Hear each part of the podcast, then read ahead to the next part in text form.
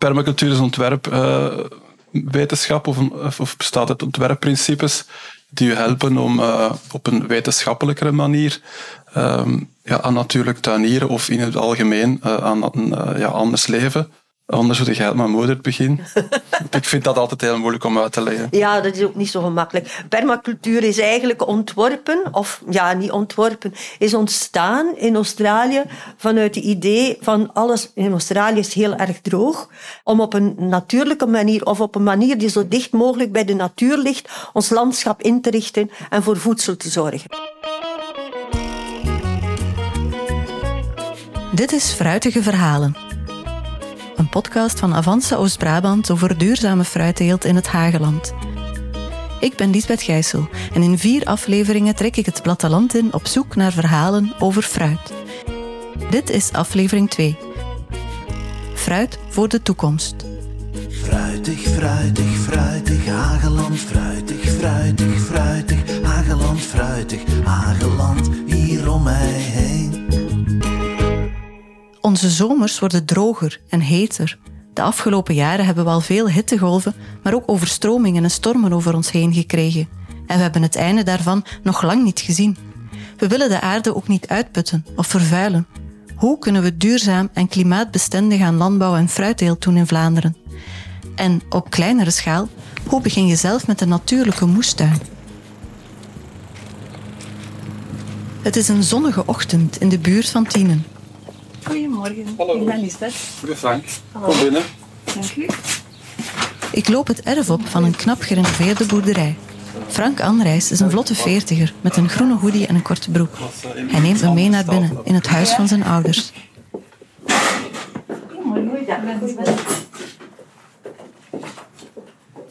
En dit is Luc Reis, de moeder van Frank. Een actieve vrouw met kort grijs haar bij wie aan niets te merken is dat ze al een dagje ouder is. En zijn je al op de computer geweest? Ja, en dan is er ook nog Piet, de man van Luc Reis. Hij laat met alle plezier zijn vrouw en zoon het woord doen. En dan vertel ik moeder en zoon dat ze ook nog op de foto moeten. Het is goed dat ik mij uh, ah, je hebt toen, Ik heb mijn haar niet. Had ik dat geweten, had ik mijn haar gewassen. Maar goed, ik ben zoals ik ben. Piet en Luc Reis hebben al hun hele leven een hart voor de natuur. Toch waren ze al rond de 50 toen ze met hun boerderij begonnen. Hun eerste plan was om een kinderboerderij op te starten. Maar toen kwamen ze in de ban van permacultuur. Ze gingen op zoek naar een boerderij met grond en met een ziel.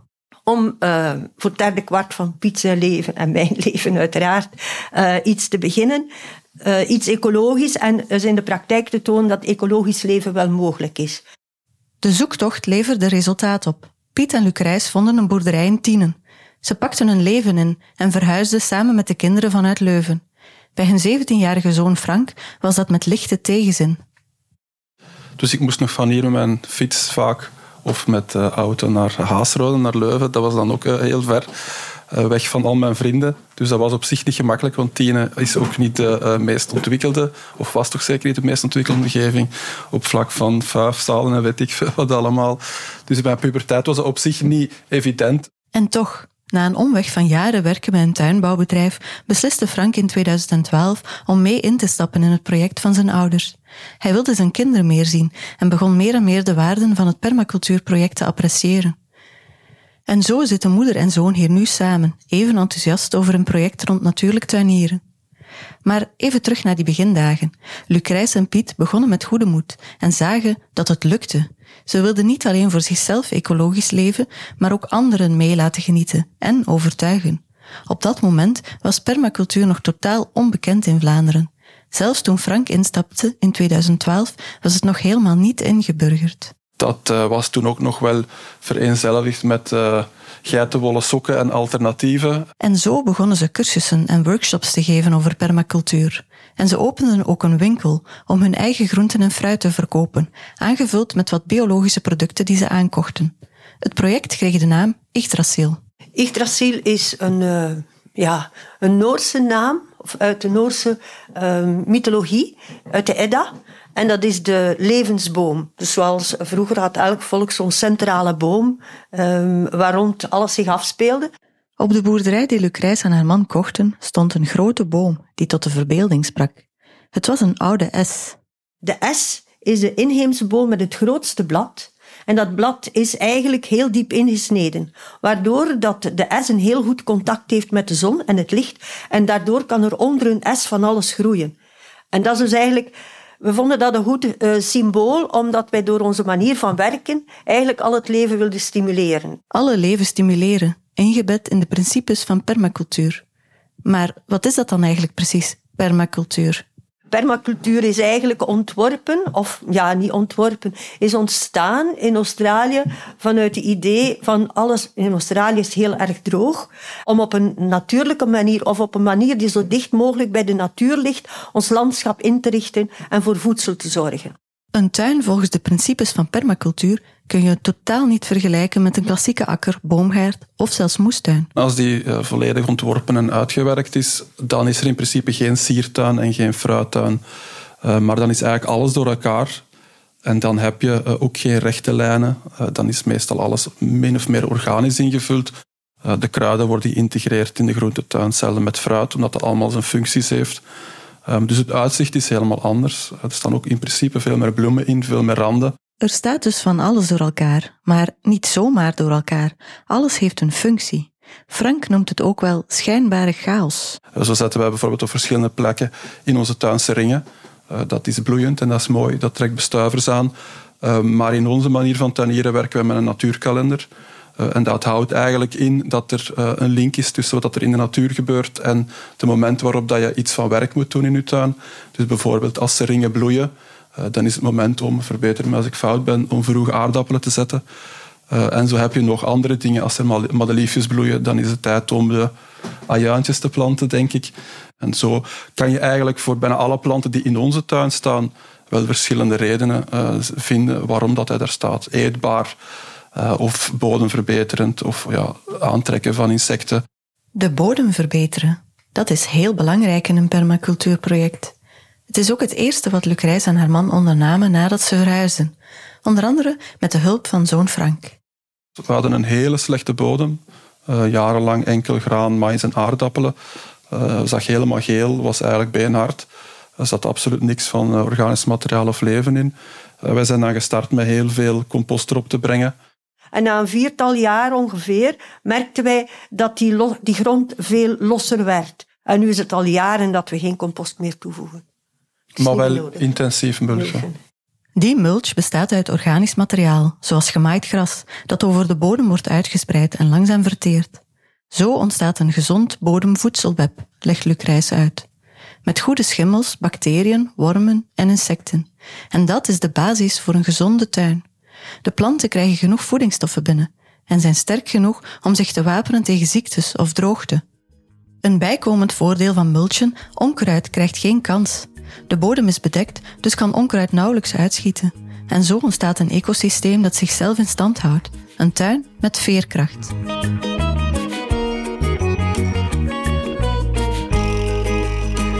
Meer veerkracht, dat kunnen ze in de klassieke land- en tuinbouw ook wel gebruiken. Daarover kan Anne Goman me meer vertellen.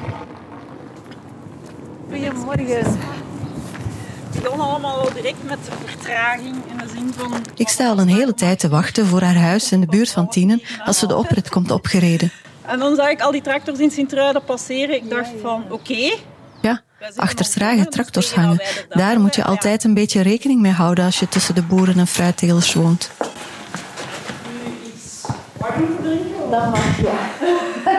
Gelukkig kan ik opwarmen bij een theetje. We installeren ons in de woonkamer. Ik ben Anne Goma, werkzaam op PC Fruit, al ondertussen 25 jaar. Um, als onderzoeker op de afdeling Poeft en Piet en Steenfruit. PC Fruit is een VZW die onderzoek doet naar fruitteelt. Ze kijken bijvoorbeeld naar nieuwe teeltechnieken, nieuwe rassen en gewasbescherming. Er gebeuren demonstraties voor telers en het centrum biedt diensten en voorlichting aan fruitbedrijven. Maar Anne is niet alleen een onderzoeker, maar ook een vrouw van de praktijk. Ik zit eigenlijk altijd tussen de bomen. Haar ouders hadden een landbouwbedrijf dat intussen is overgenomen door haar broer en vervuild is tot peren- en appelteelt. Anne ondersteunt haar broer in zijn boomgaarden. En de man van Anne heeft een landbouwbedrijf. Geen permacultuur hier, maar bij PC Fruit kijkt Anne wel naar duurzame methodes, zoals regeneratieve landbouw. Met regeneratieve landbouw willen we eigenlijk de bodem zodanig gaan optimaliseren dat we minder gebruik moeten gaan maken van kunstmesten en dat we eigenlijk door gebruik te maken van bepaalde mengsels van kruiden en grassen en bodembedekkers, maar dan echt wel in een, in een hele uitgebreide mix, het bodemleven zo gaan stimuleren dat ons bodemleven ons veel meer kan gaan aanbieden aan nutriënten en enzymen en alles wat we nodig hebben voor onze plant. En dat de structuur van de bodem zich ook heel anders gaat gedragen, zodanig dat hij ook veel beter zijn, zijn vocht kan gaan bijhouden.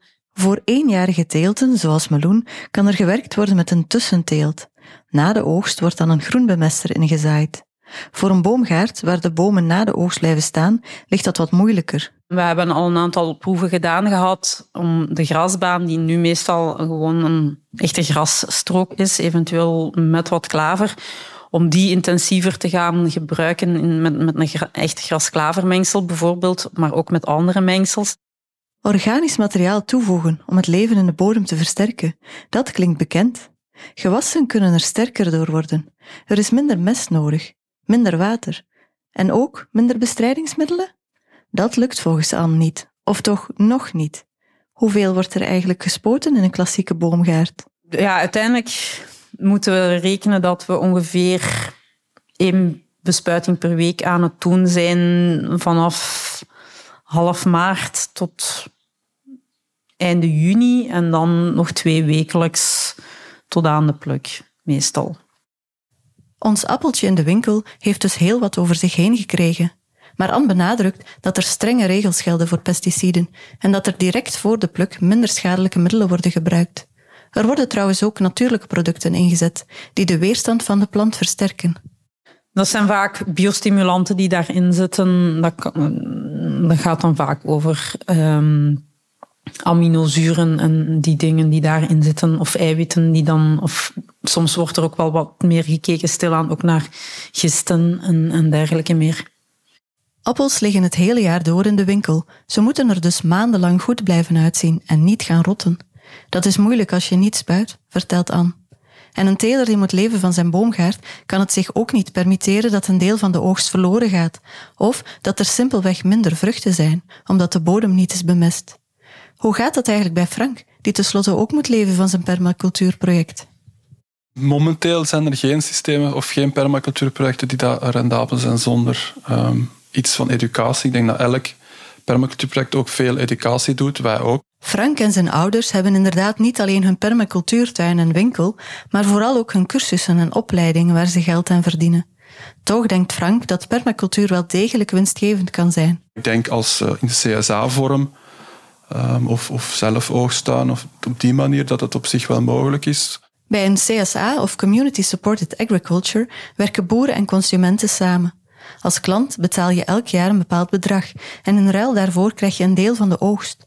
Het voordeel is dat de producent een vast inkomen heeft, hoe goed of slecht zijn oogst ook is. Maar je zal inderdaad wel moeten incalculeren dat sommige jaren, sommige teelten dan uh, wat mislukken en, en uw prijs zal ook iets hoger moeten zijn, denk ik. Want permacultuur is erg arbeidsintensief. Je kunt bijna onmogelijk met machines oogsten. Voor de eigen toekomst denkt Frank eraan misschien een coöperatie op te starten, waarbij hij met meerdere producenten kan samenwerken. Angoman ziet voor duurzaam geteeld fruit ook toekomst in hoevenverkoop, als je genoeg verschillende soorten en rassen kunt aanbieden.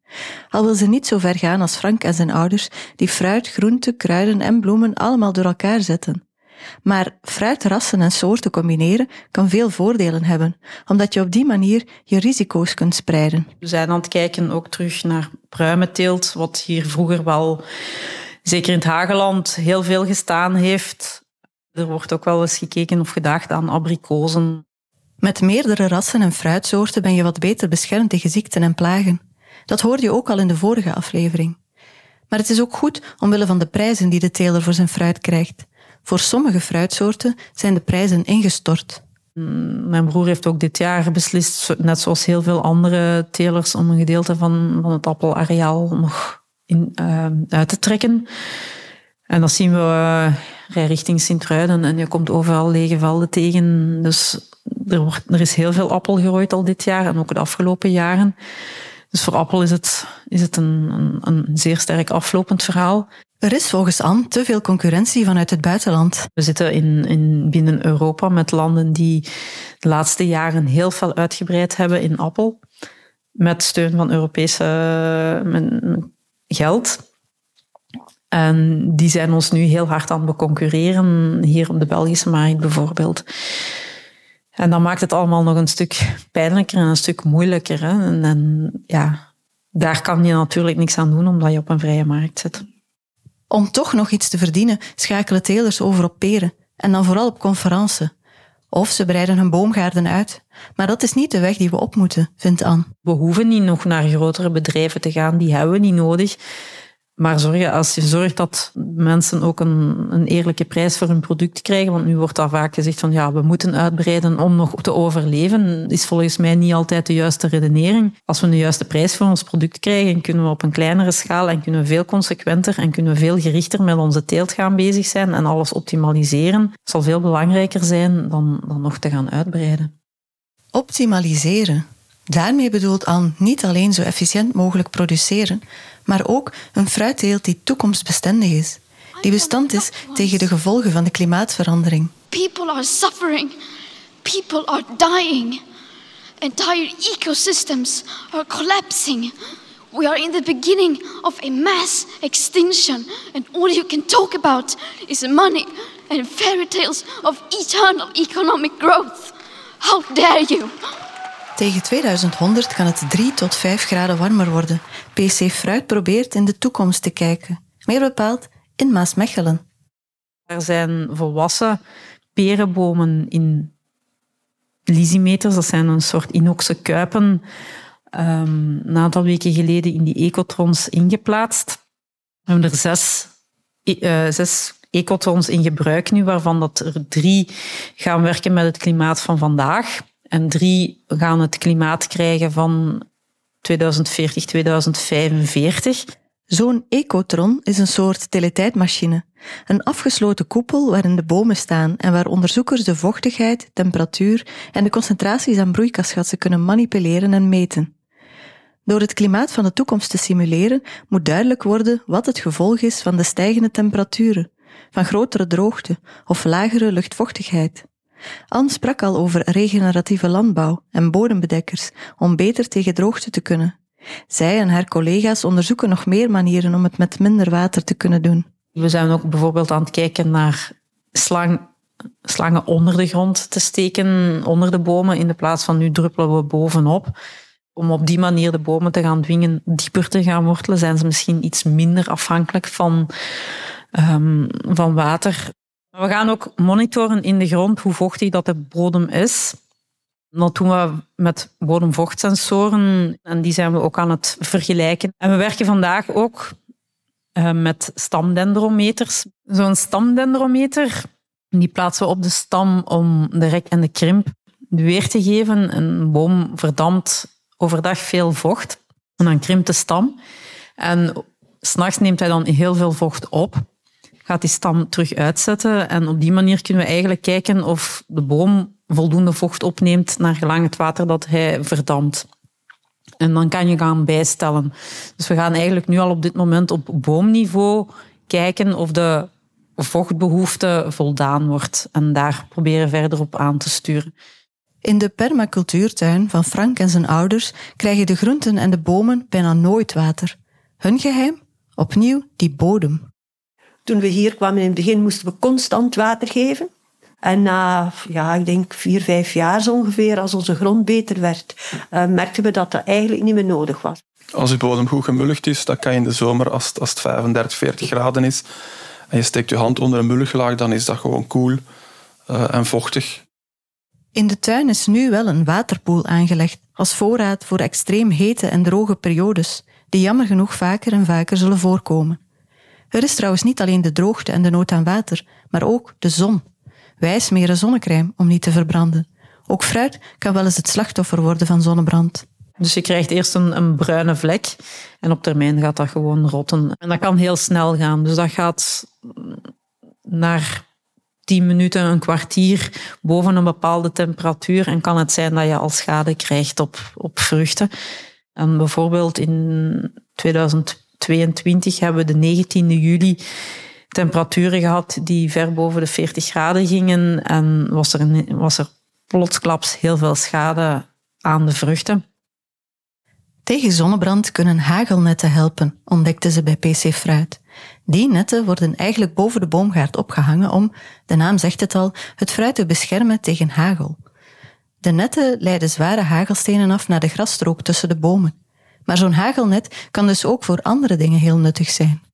Toen wij op PC Fruit het eerste hagelnet in 2005 gezet hebben, bekeken wij dat ook effectief al enkel en alleen als een hagelnet. Um, maar vandaag bekijk ik dat eigenlijk als een, een soort van multifunctioneel net. Het beschermt u tegen hagel, maar bij extreem weer zorgt een hagelnet ook dat de rechtstreekse instraling van de zon minder is. Ook andere of nieuwe rassen kunnen een oplossing bieden voor een warmere toekomst. Anne en haar collega's zijn druk bezig met de zoektocht naar die toekomstbestendige rassen. We moeten een ras hebben dat enerzijds hitte droogte kan doorstaan, maar we moeten ook een ras hebben dat resistent is tegen bijvoorbeeld schurft, witziekte, dat we minder moeten gaan behandelen. Een ras dat enorm ziektegevoelig is, dat mag heel lekker zijn, dat mag de mooiste appel zijn die er is. Dat gaat vandaag niet meer verder geraken in onze screening, omdat we weten dat we dit praktisch binnen vijf jaar niet meer kunnen telen.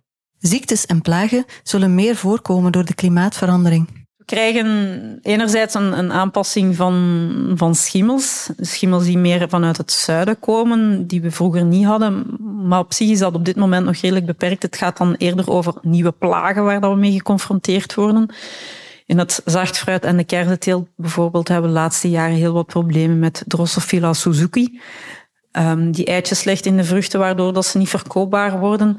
Maar bijvoorbeeld stilaan schuift de gemarmerde stinkwans ook op.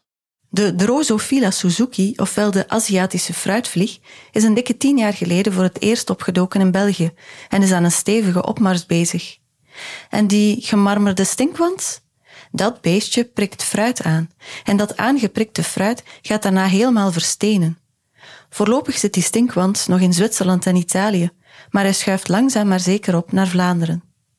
Om plagen te bestrijden wordt in de klassieke fruitteelt vooral gebruik gemaakt van pesticiden, maar PC Fruit onderzoekt ook alternatieve methodes, zoals feromoonverwarring. Dat zijn eigenlijk kleine capsules met allemaal vrouwelijke lokstoffen die we in de, in de aanplant uithangen, zodanig dat er eigenlijk één grote wolk komt van vrouwelijk feromoon van de fruitmot, zodanig dat de mannetjes, de vrouwtjes, motten die in de aanplant zitten, niet vinden dat er niet gepaard kan worden, dat er geen eitjes afgelegd kunnen worden.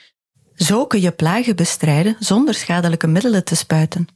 Nu gebruiken fruittelers die feromonen alleen tegen de fruitmot. Maar onderzoekers werken aan een capsule waarin feromonen zitten om misschien wel tien plagen tegelijk te bestrijden. De klassieke teelt groeit meer en meer naar de biologische landbouw toe, vindt Anne. De regels om te spuiten worden strenger en de voordelen van natuurlijk werken worden steeds meer ingezien.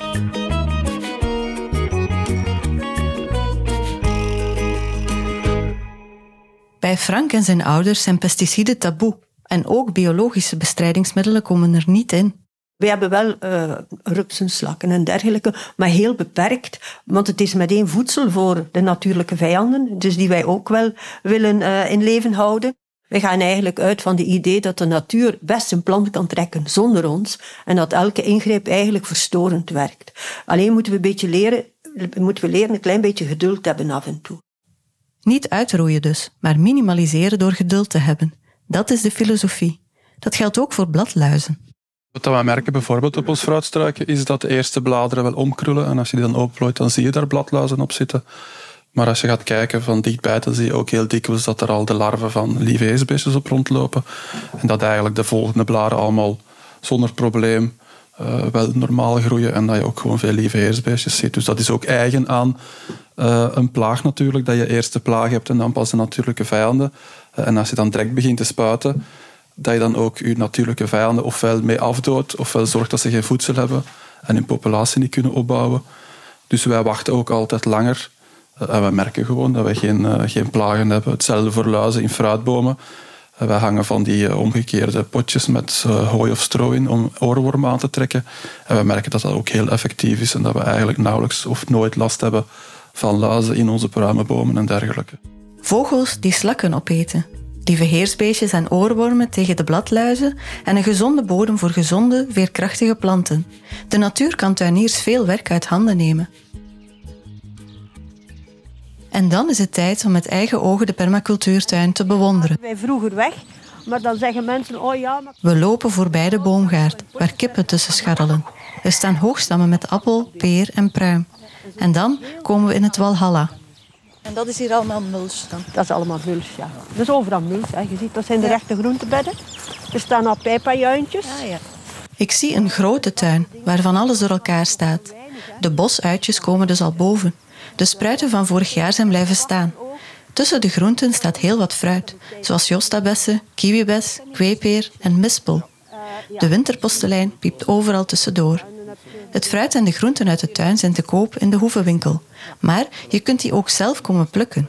We hebben appelen, peren, diverse eh, variëteiten allemaal. Pruimen, kersen, krieken, aardbeien, eh bosaardbeien, muskaataardbeien, gewone aardbeien. eh, Alle soorten aalbessen, taaibessen, josta. Ja, en zo kunnen Frank en Luc Rijs nog een hele tijd doorgaan. Behalve groenten en fruit zie ik in de tuin ook veel paardenbloemen. En brandnetels. Brandnetel is ook belangrijk voor, ehm, voor vlinders, hè, voor de rupsen van veel vlinders. En de dagbouwwol bijvoorbeeld. Maakt daar gretig gebruik van. En ja, we proberen alles zo'n beetje zijn ding te kunnen laten doen hier. Niet alleen wij. Zo hoort het eigenlijk. Alles zijn ding laten doen.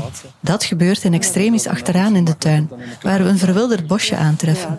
Met een nestkast voor de slechtvalk. Overal in de tuin hangen ook gedichten op. We hebben in de tuin? Ja, tuin is niet alleen om in te werken. Hè. En dan komen we bij misschien wel het belangrijkste plekje in de tuin. Dat is die een treur S. Ah ja, ja. Dus dat is eigenlijk de Yggdrasil. Dat is De Yggdrasil, de levensboom waarmee het allemaal begon. Van de oorspronkelijke oude boom is niet zoveel meer over. Maar uit zijn onderstam komt dus nu een nieuwe S. Al een tijd lang is dat aan het groeien. En die is al hoger dan de oorspronkelijke S, die aan het aftakelen is. En dat is een beetje symbool voor onze manier van ja, evolutie, zou ik zeggen. Hè. De jongen heeft het overgenomen. Inderdaad, Frank, de nieuwe generatie, neemt het over van zijn ouders. Misschien heeft de tuin geen opgehangen gedichten nodig. De natuur voorziet hier in haar eigen poëzie. Voel je het kriebelen om zelf te gaan tuinieren? Daarvoor geeft Frank alvast wat tips mee. Wij beginnen altijd met te zeggen, eh, je moet je bodem afdekken in het najaar. Eh, of misschien zelfs al in de zomer. Ehm, met eh, organisch materiaal als het een slechte toestand is. Eh, bedoel dan als die helemaal overgroeid is met karton eventueel om eh, een fysieke barrière te hebben tegen onkruid. En dan kan je in het voorjaar of in de winter beginnen met compost toe te voegen. En ook te werken met permanente bedden. En welke groenten of fruit geven het meeste kans op succes voor tuiniers die nog niet zo'n groene vingers hebben? Focus op de verse dingen die dat je moeilijk vindt eh, of moeilijk vers vindt in een eh, winkel of warenhuis. Dus ga voor bladgroenten en verse kruiden en dergelijke. Peterselie, sla, maar ook worteltjes en bietjes. Dat is vrij eenvoudig, zegt hij. En ook bosuitjes, courgetten, pompoenen en aardappels vragen niet zoveel. En als je plaats hebt voor een fruitboom, daarvoor heeft Anne nog wat advies. Dan denk ik dat ehm, appel en peer daar wat dat betreft nog altijd vandaag de beste opties zijn. Ik weet dat heel veel mensen graag een kersenboom in hun tuin zetten. Maar de problemen met kersenvlieg en onder andere ook die Drosophila Suzuki, die gaan ervoor zorgen dat je op heel korte tijd heel veel eitjes en larfjes in je kersen gaat vinden dat ze niet lekker gaan zijn. Kijk zeker naar fruitrassen die robuuster zijn en resistenter tegen ziektes, raadt ze nog aan. Jonagold is bijvoorbeeld niet zo'n goed idee. Een topas is een betere keuze. En waarom niet kiezen voor een oud ras op hoogstam? De voordelen daarvan hoorde je al in aflevering 1 van deze podcast. Ze wortelen dieper en kunnen dus beter tegen droogte. En als je ook nog eens kiest voor een oud ras dat al eeuwenlang in de streek voorkomt, dan heb je ook meer kans op succes. En voor de echt luie tuinier is er altijd nog eetbaar onkruid, weet Luc Rijs. Of ja, eigenlijk is dat geen onkruid. Het zijn natuurlijk ook gewoon plantjes. Alleen hoef je daar vaak helemaal niets voor te ondernemen, want ze komen vanzelf. Brandnetel, teunisbloem, smalle weegbree, ehm, kleine veldkers die mensen als verschrikkelijk onkruid uittrekken, zevenblad, vogelmuur. Het zijn allemaal dingen die, wilde kruiden die spontaan in de meeste tuinen voorkomen en die men ofwel gaat uittrekken of in andere gevallen misschien bespuiten, maar die eigenlijk zeer gezond zijn om te eten. Vol inspiratie neem ik afscheid van Frank en Lucrijs. Heb je het genoeg? Ik denk het wel, ja. Duurzaam fruit- en groente telen met het oog op de toekomst. Er zijn veel manieren. De natuur meer gerust laten, zoals Frank en Lucrijs doen. Of net meer gaan monitoren en precisielandbouw doen en de juiste rassen uitkiezen. Allemaal om ervoor te zorgen dat we over 20 jaar nog fruit en groente kunnen kweken in Vlaanderen. Als het klimaat opwarmt, moet de landbouw zich aanpassen. Dat doet ze niet alleen door andere methodes te onderzoeken. Je kunt ook ander fruit gaan telen. Druiven bijvoorbeeld. In de volgende aflevering praat ik met Patrick Nijs. Hij heeft wijngaarden in het Hageland en Limburg en gaat niet alleen met liefde voor wijn te werk, maar ook met liefde voor de biodiversiteit. Ik denk dat er een hele nieuwe generatie aan het opstaan is van jonge wijnbouwers die geen link meer hebben met de conventionele landbouw. Hoe verzoen je landbouw met natuur? Dat hoor je in de volgende aflevering. Dit was Fruitige Verhalen, een podcast van Avanza Oost-Brabant over duurzame fruitteelt in het Hageland. Gemaakt door mezelf, Liesbeth Gijssel, in samenwerking met Sophie de Schamfelaire. De muziek die je aan het begin en eind hoorde is van de Hagelandse groep Lenny en de Wespen. De mix en het sounddesign is van de hand van Sami Meraya. Wil je alle tips nog eens nalezen? Ga dan zeker kijken op de website avanza-oostbrabant.be. Vond je deze aflevering interessant? Schrijf dan een review, dan kunnen anderen hem sneller terugvinden. Fruitig, fruitig, fruitig, Hageland, fruitig, fruitig, fruitig, Hageland, fruitig, Hageland, hier om mij heen. Fruitig, fruitig, fruitig, Hageland, fruitig, fruitig, fruitig, Hageland, fruitig, Hageland, neem mij zijn de golven van de groene zee. En ik dein hier zalig met hen mee. Ja, de heuvels zijn de golven van een groene zee. En ik dans hier zo graag op hen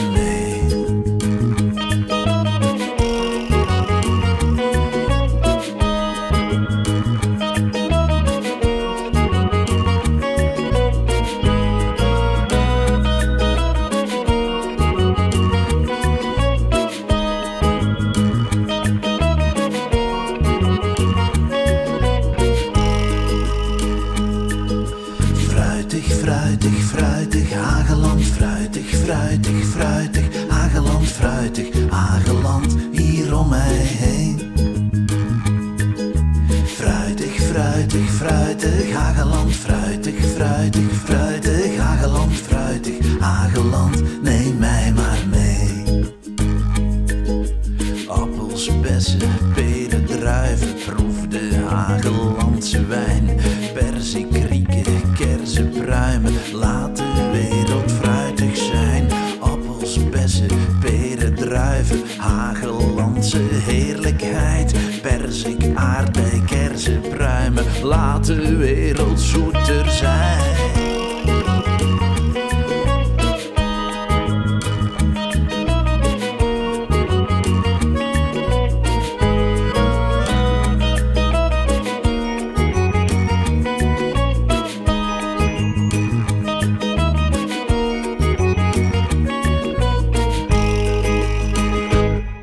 Deze podcast kwam tot stand met de steun van het Europees Landbouwfonds voor Plattelandsontwikkeling.